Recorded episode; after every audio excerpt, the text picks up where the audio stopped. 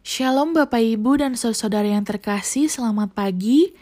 Sungguh kita mengucap syukur karena Tuhan telah menyertai istirahat malam kita, sehingga pada pagi hari ini kita boleh bangun dengan penuh sukacita, penuh ungkapan syukur karena kasih setia Tuhan terus melingkupi kita.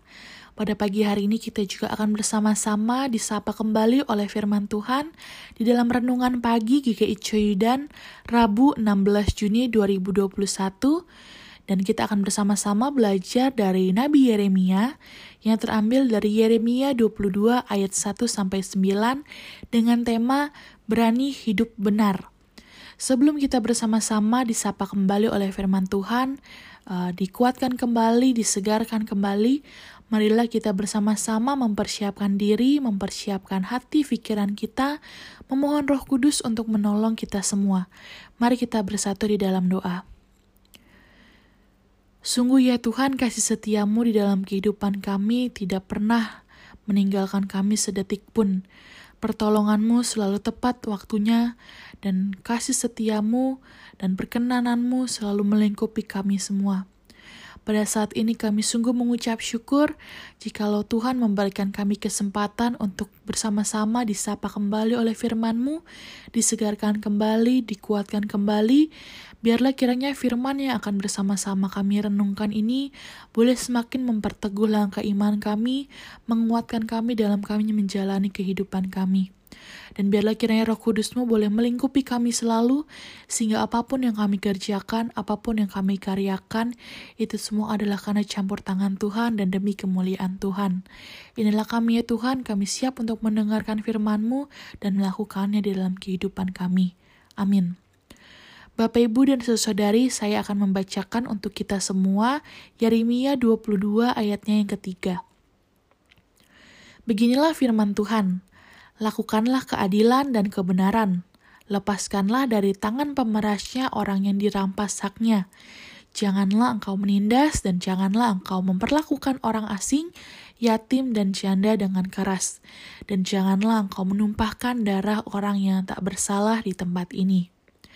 Bapak, Ibu, dan saudari, ketika saya membaca keseluruhan perikop kita pada pagi hari ini, saya merasa bahwa kehidupan kita tidak akan bisa terlepas dari suatu konsep tentang perjanjian atau suatu kesepakatan bersama.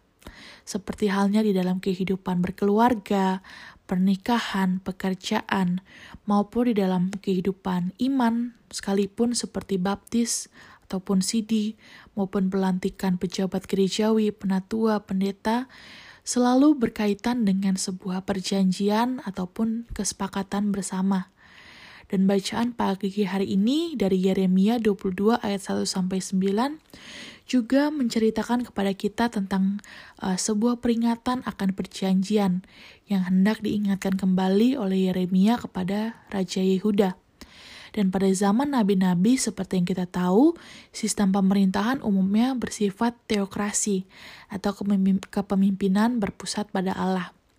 Nah, pengangkatan pemimpin atau raja di suatu tempat uh, biasanya dilaksanakan sejauh itu diperkenankan oleh Allah.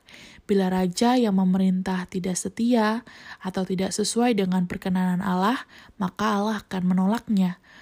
Oleh karena itu, peristiwa kejatuhan Yehuda pada waktu itu dianggap sebagai bentuk penghukuman Tuhan, dan ini dinilai sebagai akibat dari dosa para pemimpin yang tidak setia dan menyembah ilah lain.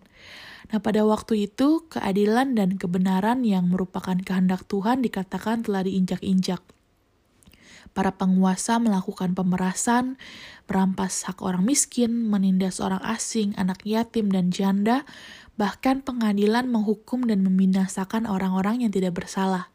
Para pemimpin dikatakan juga hanya mengejar keuntungan dan melupakan tanggung jawab terhadap rakyat yang dipimpinnya. Nah, semua ini jahat di dalam pertimbangan Tuhan. Oleh karena itu, Tuhan menyerahkan umatnya yang lalim ini kepada para musuh mereka. Bangsa itu, khususnya para pemimpin mereka, dikatakan akan hidup menderita dan terbuang dari tanah perjanjian hukuman yang dikatakan tidak dapat dihindari kecuali dengan pertobatan para pemimpin dan seluruh umat.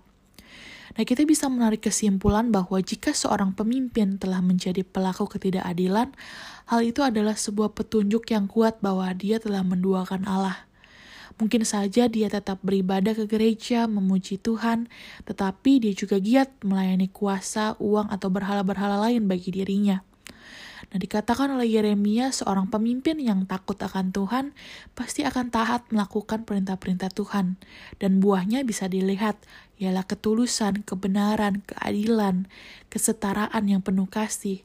Tetapi jika buah yang dihasilkan ialah ketidakadilan, bukan kebenaran, dan kuasa yang bertindak sewenang-wenang, kita tahu bahwa itu bukanlah dari Allah. Ada dua poin penyampaian uh, Yeremia yang bisa kita pelajari bersama dari perikop kita pada pagi hari ini. Yang pertama ialah selalu ada harapan bahwa orang yang bertobat akan dapat terhindar dari hukuman Allah. Yang kedua ialah bahwa peringatan yang diberikan Allah menunjukkan keadilan dan kemurahan Allah kepada umatnya, yang memberikan kita semua kesempatan untuk bertobat dan kembali kepada dia. Bagi Yeremia uh, tidak mudah Bapak Ibu untuk menyampaikan pesan atau ganjaran Tuhan bagi raja dan bangsanya.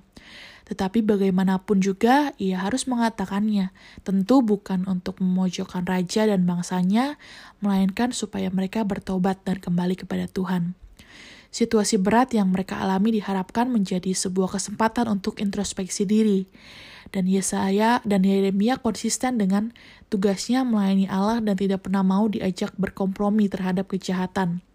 Akibatnya, ya ia kerap dimusuhi oleh penguasa dan bahkan teman-teman sepelayanan, para imam dan para pemimpin agama karena menyampaikan kebenaran.